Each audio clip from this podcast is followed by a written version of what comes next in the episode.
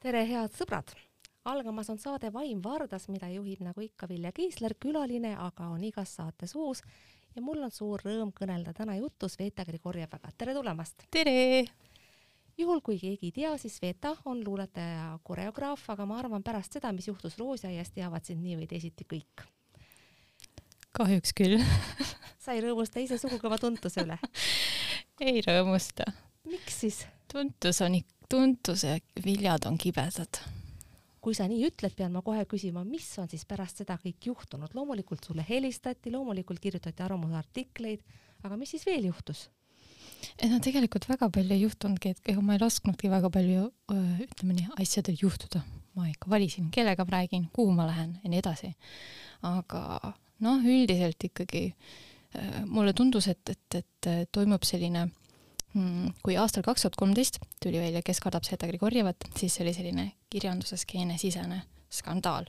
ja nüüd mulle tundus, et see mastaap on muidugi hoopis teine, see on nüüd terve Eesti, kes sind arustab, aga aga tundus, et see, et see, et see on see täpselt samasugune noh, mingisugusest analoogiat ma nagu leidsin sellel kahel, kahel sündmusel, see Roosia kõne tagasiside ja Kes kardab Sveta Grigorjevat tagasiside. ehk siis sinu esimese raamatu ilmumine mm? -hmm, just sul on vahepeal ilmunud ka teine raamat, mida ma loodan, meie kuulajad on lugenud või kui nad ei ole, siis nad kindlasti peaksid, aga täna ei räägi me mitte niivõrd luulest, kuna see ei ole kirjandussaade. küll aga räägime me millestki, mis võiks olla sulle lähedane ja mida sa oled kogenud ka ise luuletajana. nimelt tõsiasja, et kui luule autor on naine, siis kiputakse automaatselt rääkima naisluuletajatest mm. -hmm. ja tegelikult see fenomen on ka palju laiem. näiteks poliitikas tõstetakse ka esile naispoliitikuid, kuigi palju harvem kasutatakse sõnaühendit meespoliitik. minu meelest, kui säärast vahet juba teha, siis võiks teha võrdselt mm, -hmm. aga nii see sugugi ei ole kui sa juba viitasid oma esimese raamatu tagasisidele, siis arvatavasti üks aspekt sellest võis olla ka sinu sildistamine naisluuletajana, oli see nii? tegelikult see ületaski mind, et äkitselt, sest mina arvasin, mina olen lihtsalt luuletaja. ja siis tuli välja, et ei ole, ma olen hoopiski naisluuletaja. et see oli selline äh, minu jaoks ka äh, uudne, uudne silt äh, ja, ja tegelikult äh, oli ka veel teine silt, mis oli interluulete, aga, aga see, see vist oli rohkem kasutuses Liina Tammiste, Liina Tammiste kirjanduse puhul. et temal oli need tõesti read võib-olla niimoodi Äh, iga, nagu sõna tagant niimoodi äh, ridadesse löödud, aga põhimõtteliselt äh, teine silt oligi siis meie puhul nais, nais ähm, eesliide. et millegipärast pidi rõhutama just seda, et tegemist on naisluulega, mitte tavalise luulega. et meil on olemas, meil on olemas muideks luuletajad, kes on naised, aga kes ei ole naisluuletajad ja siis on olemas meil äh, luuletajad, kes on naised ja kes on veel naisluuletajad. ja siis ma hakkasin uurima, et aga mida see siis tähendab ja tegelikult äh, Aare Pilv kirjutas kunagi väga hea artikli sellest Vikerkaarde ja tema ja jaotab nagu selle ähm, mõiste kasutuse luulekriitikas põhimõtteliselt kolmeks, et meil on olemas naisluule kui noh, võib-olla niisugune pelgalt deskriptiivne, puhtliigitav termin. et siis naine, kes kirjutab võib-olla naiseks olemisest, et tema lüüriline mina justkui edastab teatud sellist äh, jah, naise kogemust, naiselikkust ja see võib olla näiteks ka feministlik luule ja siis äh, teine mõiste võib-olla või noh, kuhu alla ta võib liigutada, on näiteks seesama suurrida, et meil on selline noh, võib-olla niisugune poolmüütiline kontseptsioon äh, naistest kui sellistest äh, tugevatest luuletajatest, kelle ümber justkui koonduvad mehed, et naised ei ole, et, et ja et mm, Aare Pilvel nagu sedastab ja seda on ka teinud Rebecca, Rebecca Lotman oma ühes teises artiklis, et selle sellise suure rea kontseptsiooni on toonud kirjandusse nagu käibesse Ants Oras oma tuhande üheksasaja kolmekümne üheksandal aastal ilmunud artiklis naiskirjanikest meil ja mujal ja kus ta nagu just nimelt äh, natukene nagu vastandab inglise traditsiooni või inglise kirjandust. Eesti omaga ütleb, et näete, inglise traditsioonis naised jäävad justkui meeste varju, aga meil on vastupidi, meil on tugevad luuletajad, tugevad naised, näiteks nagu äh, Koidula, Haava, Under, Alver, Merilaas, ja nemad ei, ei ole nagu meeste järelooksikud või nemad asuvad ise juhtima. aga ja. siis võiks ju Eesti kontekstis põhjust olla kõnelda meesluulest. Jah, aga näed, kuidagi on, kuidagi on juhtunud vastupidine. Ja siis ja, ja huvitav ongi see, et, et mina või minu luule justkui nagu läheb hoopis kolmandasse äh, naisluule kategooriasse, mis siis noh, tähistaks justkui sellist äh, marginaalsemat, diletantlikku, natuke võib-olla äh, noh, jah, tüütud mingit pidi luulet, et ja nagu ma aru saan, ka see on ka Aare Pilve artiklist tuleb välja, et see selline mõtlemine äh, hakkas pihta võib-olla sellest, et seitsmekümnendatel tulid välja mingisugused äh, sellised kassetid, kus äh, paljud debüteerivad naised, nad ei jäänud edaspidi nii-öelda sellesse nii-öelda kaanonisse või suurde kirjanduslukku ja kirjutasidki selliseid võib-olla rohkem mm, äh, lüürilisi loodusest, selliseid noh, igatsevaid tekste võib-olla, mida siis hakati tähistama mõnikord ka tädi, tädilikuks luuleks või naisluuleks ja jah, see on selles mõttes, et huvitav, et, et, seesama äh, teise kontseptsiooni ehk siis suurrida ja see kolmas naisluule, mis on diletantlik luule, et seesama vahe avaldubki just sellest marginaalsuse mõistes. et ühelt poolt meil on siis sellised naised, kes, kes kirjutavad päriselt, päris luulet ja siis on sellised naised nagu mina, kes kirjutab naisluulet mul on tunne, et selle terminiga naisluuletaja tihtipeale tahetakse lihtsalt ka esile tõsta autori sugu ja minu meelest enamatel juhtudel on see põhjendamata, sest äh, kui tahet-, tahetakse tingimata sugu esile tõsta, siis peaks meeste puhul toimuma ju samamoodi. aga seda ei tehta. ehk, ehk siis sellel terminil naisluuletaja on justkui ka selline lõdvem käsitlus, peale lisaks veel nendele, mida sa viitasid, eks ju, mis võiksid ka kuidagi kirjanduslooliselt või kirjanduseetiliselt ka kas või mingil moel olla õigustatud. ja selles lõdvemas tähenduses äh, Äh, kasutatakse nais-eesliidet, seda eesliidet ka kõikide teiste elualade puhul. nagu noh, poliitikute puhul on see väga tavaline, aga minu meelest kõigil teistel elu, elualadel ka. kuigi võib-olla me ei räägi nii väga palju naisõpetajatest, kuna enamik neist on naised, aga üldi, aga üldiselt ikkagi see naisliide tähendab soovi esile tõsta äh, naist kui tegijat olukorras, kus ta tegelikult ei ole mitte mingil viisil marginaalsem kui mees mm. -hmm. kuidas äh, seda nähtust nagu laiemalt seletada? No tegelikult, äh, kas ei ole lihtsalt nii, et äh, kuna naine on nii kultuuris kui ühiskonnas lihtsalt näiteks mehe äh, suhtes marginaalsemas positsioonis, siis see väärtusskaala ta lihtsalt noh, väljendub ka väiksematel väärtusskaaladel, et meil ühiskonnas, kui naist marginaliseeritakse, siis ja kutsutaksegi siis näiteks, meil on naispoliitikud ja nii edasi, siis see lihtsalt äh, väljendub ka nendes äh, jah, väiksematel väärtuskaaladel nad lihtsalt nagu kanduvad edasi ja otsivad sellist kehtivustuge sealt, näiteks meelelahutusest, spordist, äh, kirjandusest ja nii edasi.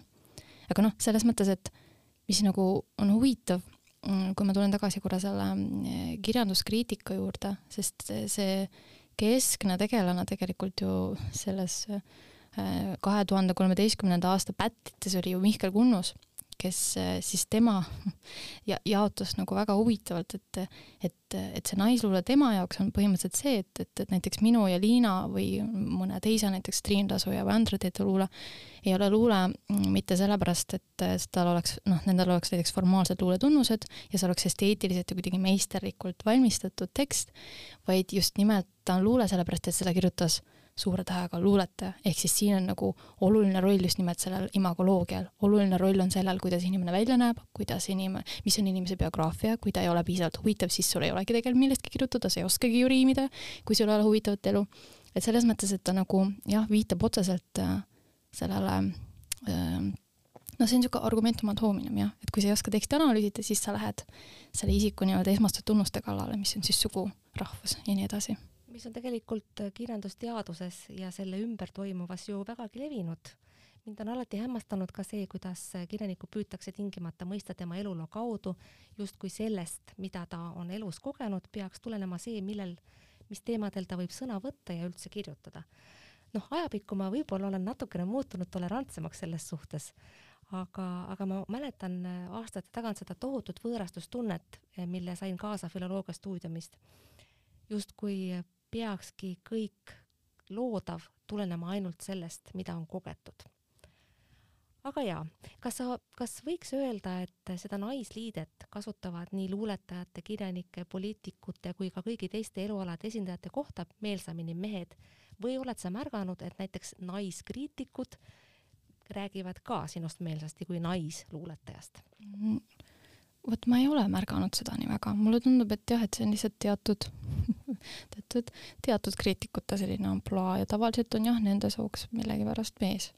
et see on, see on huvitav muidugi iseenesest, aga ei, aga on ka kriitikuid, kes absoluutselt sellele tähelepanu ei pööra ja siis vot ongi huvitav, siis nad räägivad tekstist ja nad analüüsivad teksti ja siis juba see, kas ta on näiteks, muidugi sa kirjutad mingitel oma äh, elukogemustele võib-olla põhinevalt ja võib-olla lähtud nendest, aga tegelikult, kui sa hakkad kirjutama, sa nagunii distantseerid, sest kirjutamine iseenesest juba distantseerib ennast sinu sellest äh, nii-öelda sellest minast, kes praegu ütleb mina, sellest minast, kes ütleb tekstis mina. et need on ikkagi nagu noh, nad, nad kattuvad, aga nad on oluliselt erinevad see on asi, mida võiks mõista, muide, ma olen märganud, et ka ajakirjanike puhul räägitakse aeg-ajalt naisajakirjanikest ja siis ma olen alati vastu öelnud, kui säärane asi jutuks tuleb, et ajakirjandus iseenesest pole emane ega isane, järelikult pole põhjust teha vahet. Ja kirjandusega on tegelikult ju samamoodi mm, -hmm. ta ei ole mingist soost mm. -hmm. mis sa arvad, kas on olemas mingisugune võimalus sellist äh, harjumuslikku keelekasutust, sest siin on sees teatav automatism mm, -hmm. kuidagi murda või, või peaks äh, sellesse suhtuma millessegi, millega tuleb leppida?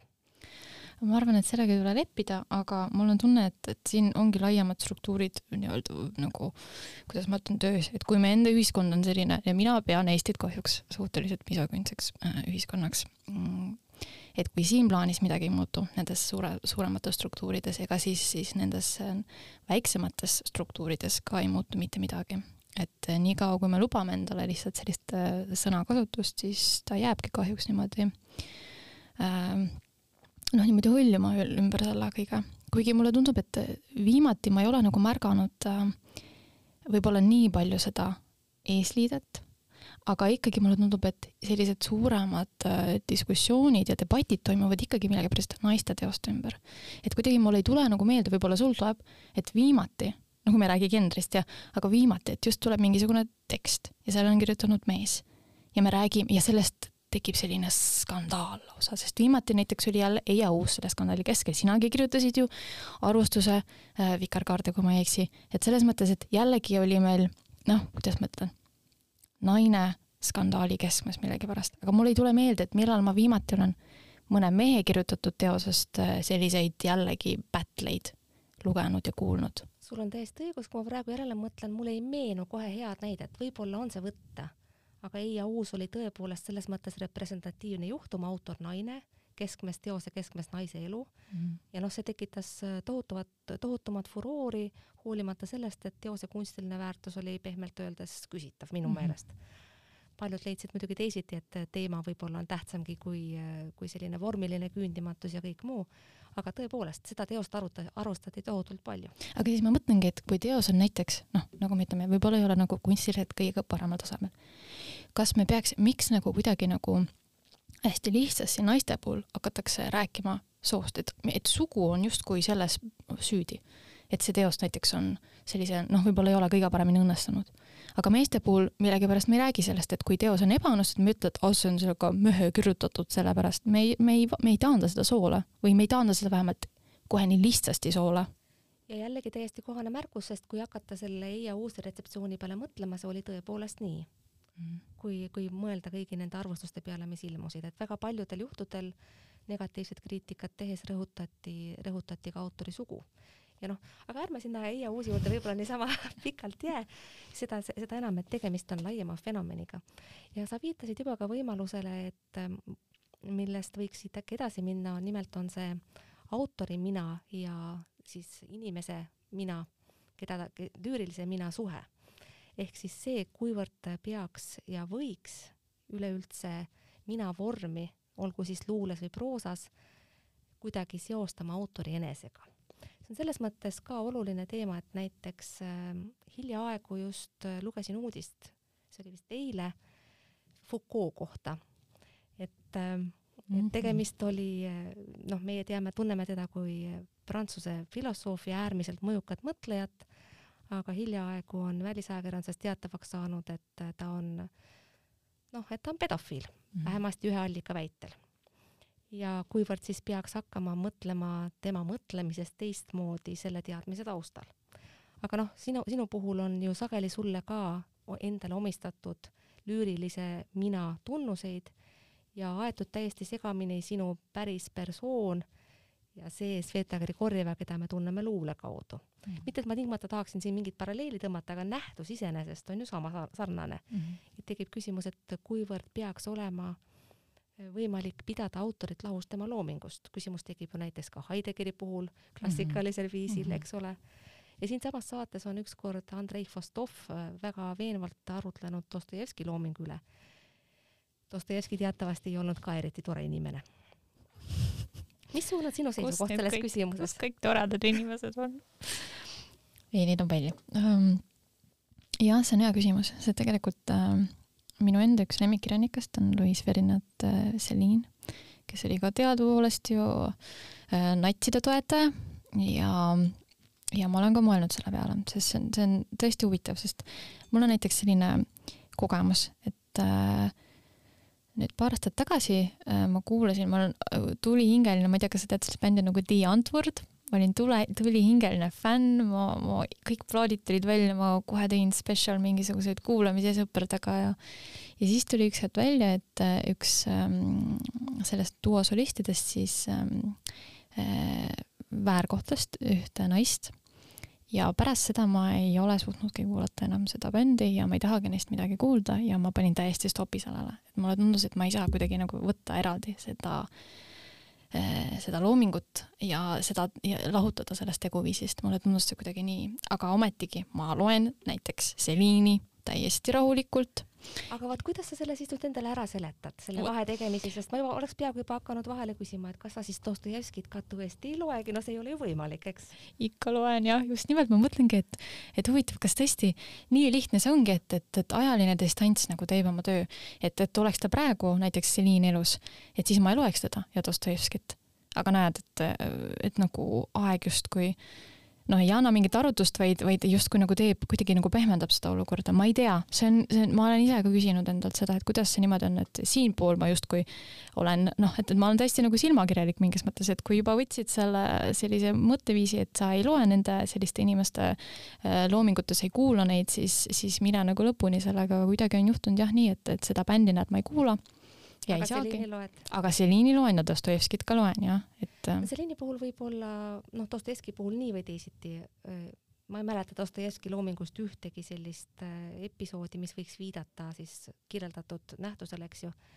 ja Selini puhul on ju tegelikult ka niimoodi, et eelkõige millega ta seostub, on selline noh, sõjaõuduse väga lähedal näitamine ja üldse sellise noh, millest näiteks Julia Kristeva on kirjutanud, eks ju, selline vastikustunne või objekt, objektide kirjeldamine mm, -hmm. eks ole, sellega seostub Selin. et ma, ma ei saa ju öelda, et tema loomingu puhul kuidagi tema selline seotus natsidega väga ilmselt kuidagi välja tuleks, pigem ikka mitte mm. -hmm. aga, aga, aga siis see ei tähenda ju ka, et me peaksime selles mõttes tegema erandeid, et ilmselt võib-olla tõesti on siis aeg see, mis teataval viisil seda distantsi võimaldab luua, aga võiks olla ju ka põhimõttelisem vahetegemine. võiks vabalt olla. tead, äh, ma nüüd hiljuti pidasin EKA-s äh, bakalaureuse äh, niisugune ühisseminari raames sellist vest-, nagu kunstnikuvestlust, aga ma rääkisin ka siis sellest samast naisluule fenomenist ja ma natukene rääkisin ka seal kivisinnikust ja sealt just nimelt sealt ühest, ühest tekstist, mis on siis see ähm, kuidas seda nüüd nimetati, Eesti saja kaheksakümne esimese aasta, tuhat üheksasada kaheksakümmend üks aasta olulist, seisuga olulist just. ja, ja, ja ma natukene uurisin selle kohta, sest et äh, no Kivisilnik minu arust fenomenina on ka päris huvitav, et mulle tema tekstid, need varased tekstid tunduvad huvitavatena, ta tundub mulle väga, ta noh, ta tõesti, et minu jaoks ta on, ta on hea, ta on hea, hea luuletaja. ja, ja kui ma nüüd vaatasin seda retseptsiooni, vaatasin, mis selle tekstiga näiteks juhtus, et äh, ähm, kuidas äkitselt just nimelt see meedia veel tegi sellest kivisilnikust põhimõtteliselt üleöö sellise riigi vaenlase number üks kõikides kõikides kohutavast asjadest, kohutavatest asjadest on süüdi just Kivisilnik ja kuidas äkitselt teda hakati süüdistama mingiks satanistiks ja ma ei tea, milleks kõik veel, et noh, et vastandati sellise Eesti äh, südametunnistuse Hanno Runneliga, et näed, meil on siin ühelt poolt Eesti südametunnistus ja teiselt poolt on niisugused satanistid nagu Kivisilnik. Ja siis ma hakkasin selles plaanis mõtlema, et äh, kivisilnikut on nii palju sõimatud lihtsalt, et äh, ma mõnikord vaatan objektiivi, sest mind huvitab, millest nad räägivad ja millestki väga huvitavast nad ei räägi. ja mulle tundus, et viimati, kui ma vaatasin seda Kivisilniku äh, vestlemas, kas see oli siis Markus Järvi, ja ma vaatasin, et see tekst oli täpselt selline nagu anonüümsete kommentaaride, kommentaatorite poolt kirjutatud tekst, et ta ei ole väga huvitav, et ta lihtsalt nagu, ma mõtlen, kas ta ka, kas ta ka mängib kedagi või mis, ta, ta ometigi ei saa ju tõsiselt võtta seda, mida ta praegu suust välja jääb. ja tead, ma hakkasin mõtlema, et et noh, see on lihtsalt nagu minu isiklik sihuke hüpotees, et ole, kas, kas, kas see, et teda sõimati nii palju, lihtsalt lõpuks viiski teda sinna niimoodi objektiivi, objektiivi äh, tüüpide manu. et vahepeal mulle lihtsalt tundub, et äh, mm, kuidas ma ütlen? Mm,, jah, et, et selline nagu tsunfti-sisene nagu, et noh, et kes teda sinna sellesse skandaali või sellesse lõpuks kohtusse ju nagu ajasid, olid tema enda need tsunfti inimesed, need ei olnud ju kuskilt väljaspoolt tulnud. Ja kes nagu asetasid ta sinna sellesse väga veidrasse olukorda, kus äkitselt oli vaenlane number üks ja teda kuulati pealt ja teda jälitati ja teda sõimati nii väga. et selles mõttes ma lihtsalt vahepeal mõtlen selliste asjade peale, et mitte, et ma tahaks kedagi süüdistada, et me lihtsalt nagu noh, sõimasime nii palju, et inimene nagu läkski lõpuks, ma ei tea, mida rääkima, mida, mida tegema, aga lihtsalt mul on lihtsalt jah, selline väike hüpotees ja noh, tulles tagasi sellesama nagu autori mina versus selle mina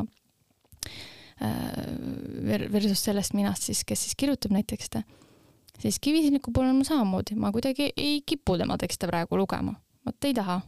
ja siin on jälle huvitav jah et ta on täitsa nagu elus, teeb, ajab oma asja, aga ma ei taha tema tekste lugeda, kuigi mm, kirjanik on ju hea.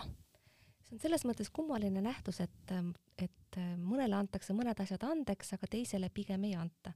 Mis puutub kivisindlikkusse, siis sinuga kaasa mõeldes, mina olen mõelnud, et äkki temal on selline lugu, et mingil hetkel omaks võetud mask ei kippunud enam pärast eest ära tulema. ta kirjutas ju mingit aega ka väga vaimukaid kolumneid ma lugesin ja naersin, see oli kõik veel enne EKRE aega ja nad, need olid tõesti vaimukad. aga mingil hetkel sedasorti vaimukus äh, käis kuidagi maha ja kui see asendas, asendas sellise, kui see asendus teatava poliitilise kindla noodistikuga, siis ei olnud see enam ühtäkki naljakas. aga see masin töötas ikkagi edasi ja leidis siis muid väljundeid, kolis mm. Õhtulehest Objektiivi näiteks nii kaugele ma võib-olla ei oleks isegi aega tõmmanud, kui seesama äh, Kirjanike Liidu äh, kohta käivad solvangud. Lihtsalt need skandaalid, vaata ma ise olin selle ühe skandaali keskmes, selle naisluulaja interluulaga ja siis mind hakkas huvitama, ma ju, ma jooksin kohe mõtlema, aga mis need skandaalid siis on, noh, mõtleme näiteks Maarja Kangro selle äh, liiklusmärgi äh, luuletuse peale, mis tekitas ka furoori, sest et öeldi türa öeldi e lihtsalt. ETV eetris öeldi just, selline sõna. just, öeldi ETV eetris ja siis äkitselt oli jälle sihuke furoor tekkinud. ja siis ma lihtsalt hakkasin vaikselt uurima, et okei okay,, meil on see Genderi saaga olnud, aga mis on need teised asjad olnud, sest tegelikult neid selliseid skandaale kui selliseid ei ole nüüd nii palju või noh, ma kutsun siin skandaalideks, natuke veider võib-olla sihuke kollase ajakirjanduse maik juures, aga noh, sellist, et, et kirjandus tekitab furoori, et noh, et, et see on hästi huvitav, et miks et, et ja tegelikult äh, võib-olla siin noh, mis minu jaoks nagu huvitav oli, ma natuke tõin nagu vi-, nagu kui ma uurisin Kivisinniku seda teksti kohta, mõtlesin tegelikult, et ta äh, millal tekst muutus problemaatiliseks, käsikirjalisena ta levis väga pikalt enne seda, ta levis, ta kirjutas selle üheksakümnendal ja üheksakümne kuuendal ähm, see anti siis kohtusse, aga just nimelt seoses sellega, et see pandi internetti üles, et see muutus kõigile ligipääsetavaks tekstiks. et see on nagu huvitav, et siin nagu kui ta oli nagu nii-öelda jälle tsunfti-sisene värk, siis oli kõik okei okay,, aga nii kui oli kõigile võimaldatud lugeda, siis äkki muutus tekst problemaatiliseks. kuna sul endal on üks säärane luuletus, milles nimetatakse sind ennast ja kivisildniku koos, kasutan ma juhust ja loen selle ette mm, -hmm. meenutamaks kuulajale ja sulle endale ka. pealegi haakub see väga otseselt meie teemaga, sest see algab nõnda. naisluule on see, kui Jürgen Rooste ütleb pahaaimamatult. Jüri, talitsegem libud üdi klubis, et Sveta Grigorjeva võib olla järgmine kivisildnik, mitte Koidula, Kareva ega ka Kangro, ei. Sveta Grigorjeva võib olla järgmine kivisildnik. just millest me peame siis nüüd järeldama, et äh, sul on kivisildnikuga mingisugune eriline suhe, sa tahad saada temast, sinu lüüriline mina on temaga kontaktis mingil erilisel viisil. kosmilisel viisil. me oleme temaga kuidagi mingit pidi hingesugu, ei ole, ei ole, ei ole. ja selle kaudu on defineeritud naisluule ehk siis see, millest me tänast jutuajamist alustasime. aga vaata see, miks ma tõin üldse kivisilnuka sisse, see ei olnud niisama, väga hea, et sa, sa nüüd äh, lugesid selle luuletuse ette, tegelikult see oligi mõeldud. kui ma, kui ma hakkasin uurima kõiki neid äh, selliseid äh, imelikke tekste, mis on tekitanud furoori, siis loomulikult ma sattusin selle kivisilniku teksti peale. ja mis mind selles retseptsioonis, kui ma lugesin kõiki neid Postimehes mingisuguseid ilmunud äh, kaitsvaid tekste, näiteks nagu Ene Mihkelson kaitses kivisilniku teksti või siis vastupidi, selliseid ründavaid, et Arvo Valton ju ta oligi see, kes, kes, kes ütles, et, et, et, et noh, vastandas nii-öelda Ando Runnerit, kes on siis Eesti südametunnistus ja, ja siis ja Kivisilnik siis oli, kes satanist ja pullivend. ja siis, mis mind nagu hämmastas, oli see, et jällegi ühelt poolt me loome sellist äh, kuidagi äh, siis ähm, dihotoomset mõtlemist, et meil on justkui siin nii-öelda see niisugune õige päris luule eetiline luule.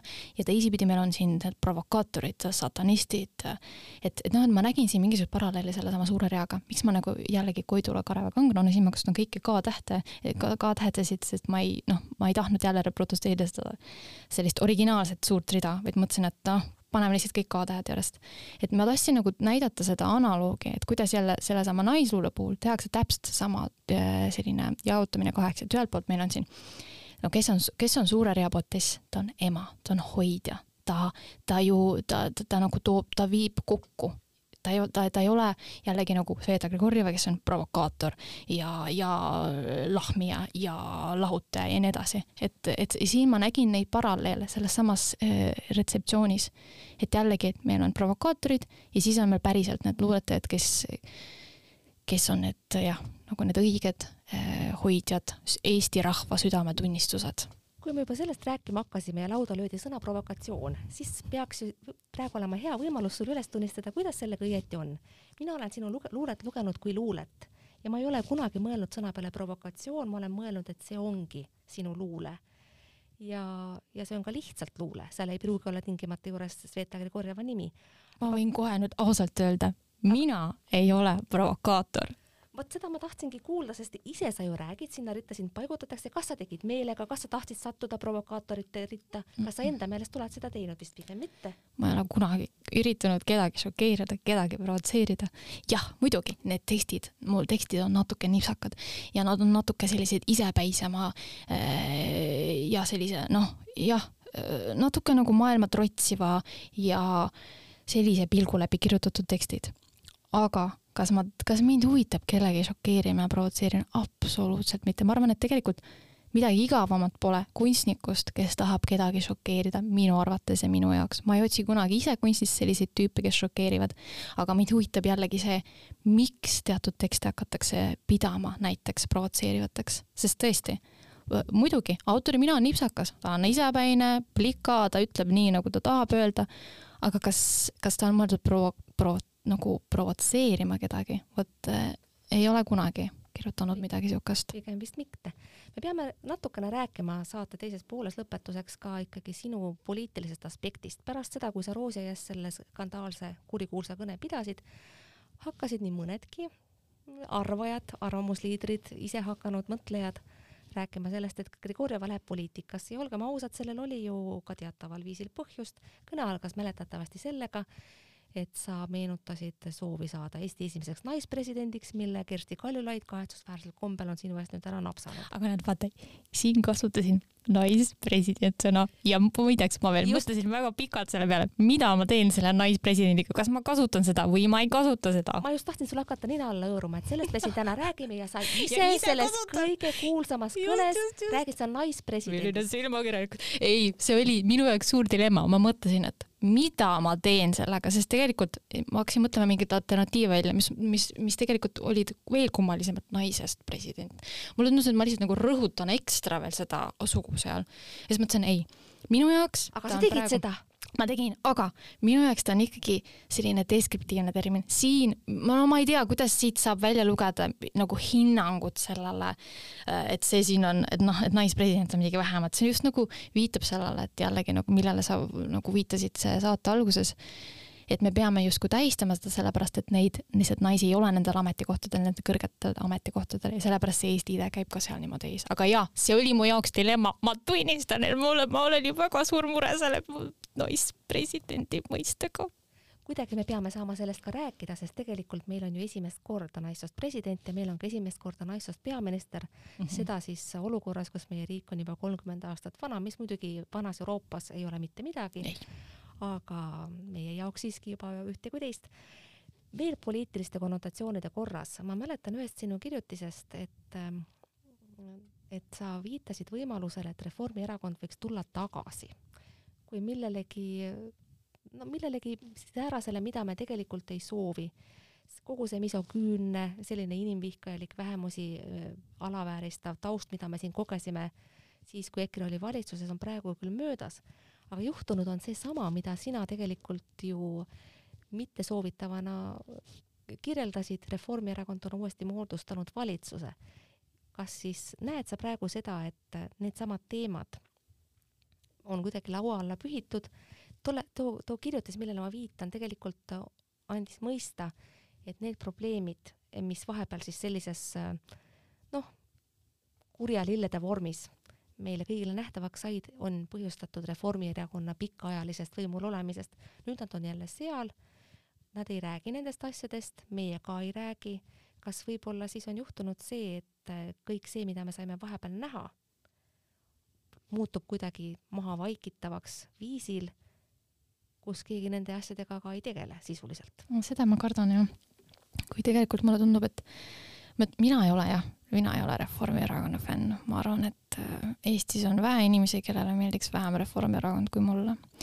aga antud hetkel nad on väga raskes olukorras, et tegeleda nende teemadega, mis on äh, ühiskondlikult meil Eestis siin olulised ja on olnud väga pikka aega olnud olulised ja mida nad on minu arvates tõesti tegemata jätnud ja ei ole pühendunud teatud äh, teemadele nii palju äh, tähelepanu. Mulle tundub, et praegu see noh, selleks ei oleks, selleks ei olegi tegelikult aega, lihtsalt aru ei, noh, ei saa, mulle tundub, et aru ei saada sellest, et kui näiteks meil on praegu äh, kõrged nakatumisnäitajad teatud kohtades, siis see on väga otseselt seotud nende tegemata jätmistega, millele ma ka viitasin nii selles presidendi kõnes, millele ka ma viitasin oma teistes tekstides, mis on nii raamatutes kui raamatuväliselt, et selles plaanis mm, jah, et äh, ma, ma loodan, et nendest, sellest saadakse aru, aga jällegi äh, tead, mina lihtsalt ootan sellist äh, valitsust ükskord, kus on, kus, kus, kus, kus istuvad sellised inimesed, keda mina tahaks näha ja kes esindaks mind. mina sellist valitsust näinud veel ei ole ja mina loodan, et üks päev minu silmad näevad seda valitsust.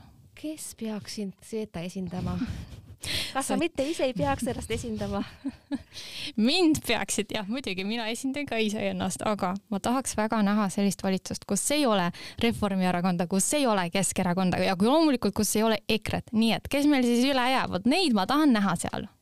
kas ma pean siis sinust välja ütlema, sa ootad sotside valitsust? jah, ma ootan sotside, ma ootan roheliste ja ma ootan, et Eesti kakssada oleks ka valitsuses. ma tahan näha seda valitsust. vot seda valitsust sa ei näe niipea, aga missugune võiks olla sinu enda panus äh, sellesse, et äh, selline valitsus, nagu sa tahaksid näha, tuleks lähemale?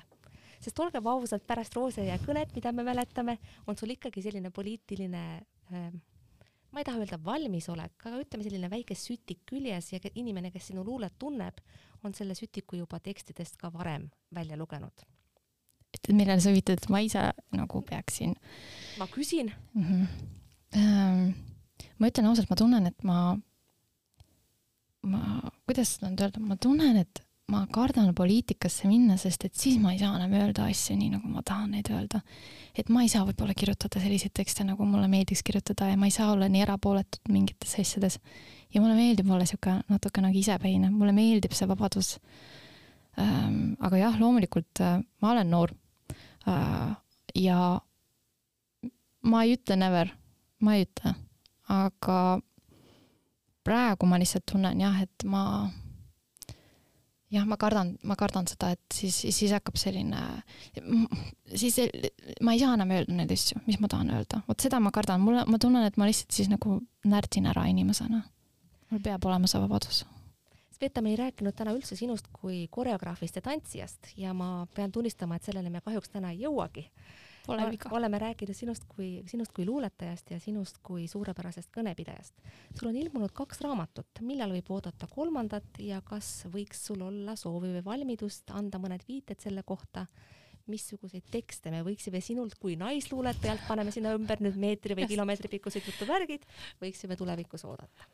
Ehm, no ma kirjutan, ma ütlen, ma kirjutan väga aeglaselt, kuigi mulle tundub, et ma tahaks mingis mõttes võib-olla sellest äh, luule kirjutamisest äh, edasi liikuda, võib-olla rohkem proosa juurde, et ma praegu nagu tegelen vaikselt sellega, ma ei ole kuskil midagi avaldanud. aga ma kuidagi lo loen luulet viimasel ajal harvemini ja, ja ma loen rohkem proosat ja ma loen rohkem lo noh, loomulikult kooli, kooli akadeemilist äh, tekstikorpust. aga uut raamatut, no ma ei tea, võib-olla äkki, äkki ilmub järgmisel aastal midagi uut aga ma võin lugeda siiski näiteks ühe luuletuse ette, mis on ilmunud Vikerkaares ja ta natuke nagu ka äh, viitab teatud äh, soolistele stereotüüpidele äh,, mitte küll võib-olla selles luule mõistes, aga mingis muus mõistes ja mis sa arvad, kas ma võiks? ma arvan, et sa võiksid seda väga hästi teha, sest siis me saame saate ümmarguseks, sellest me alustasime ja sellega Sellega me siis lõpetame mm. kunstilises võtmes, ole hea. just.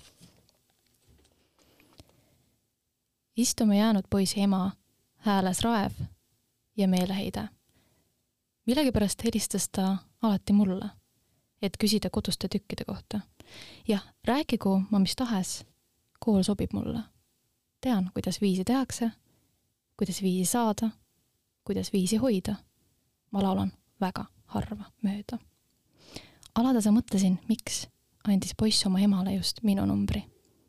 asi ei saanud ju olla vaid minu tubliduses. Neid tüdrukuid oli ju veel sest need on alati tüdrukud.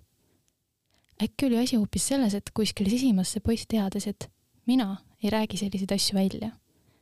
et istume jäänud laheda poisi emme, helistab klassi ajal õhtuti nutuse häälega, et küsida, mida homseks tuleb ära õppida. see poiss on end praeguseks loomulikult ära joonud, nagu nii mõnigi veel. kahju muidugi, ta polnud ju paha poiss. muide, mis asi on paha poiss? Kui mõtlema hakata, pole ma vist ühtegi sellist oma elu jooksul veel näinud. näita mulle ühte ainumat, palun. ma ei usu pahasse poissi, nagu ma ei usu jõuluvana. ei usu Jumalat. pahaseid poisse tehakse ju samamoodi nagu häid tüdrukuid. Neid pole samuti olemas. on vaid üks meelheitev ema, üks poiss, kel jääb elu lõpuni õppimata ja üks viieline tüdruk kes pahandusi tehes teab, et süüdi jääb nagunii alati mõni paha poiss. keegi ei mõtle kunagi esimese asjana sinu nime peale. Neid kilde kokku korjates, seda verd koristades, tolle nõrgema pisaraid näolt pühkides. keegi ei mõtle kunagi esimese asjana sinu peale. sa oled hea tüdruk. suur tänu sulle, Sveta aitäh kuulajatele ka, saate nimi oli Vaim Vardas, saatejuht oli Vilja Kiisler. saatejuht on sama ilmselt ka järgmises saates, külaline aga hoopis teine, elage vahepeal hästi, kuulmiseni, nägemiseni. Thank you.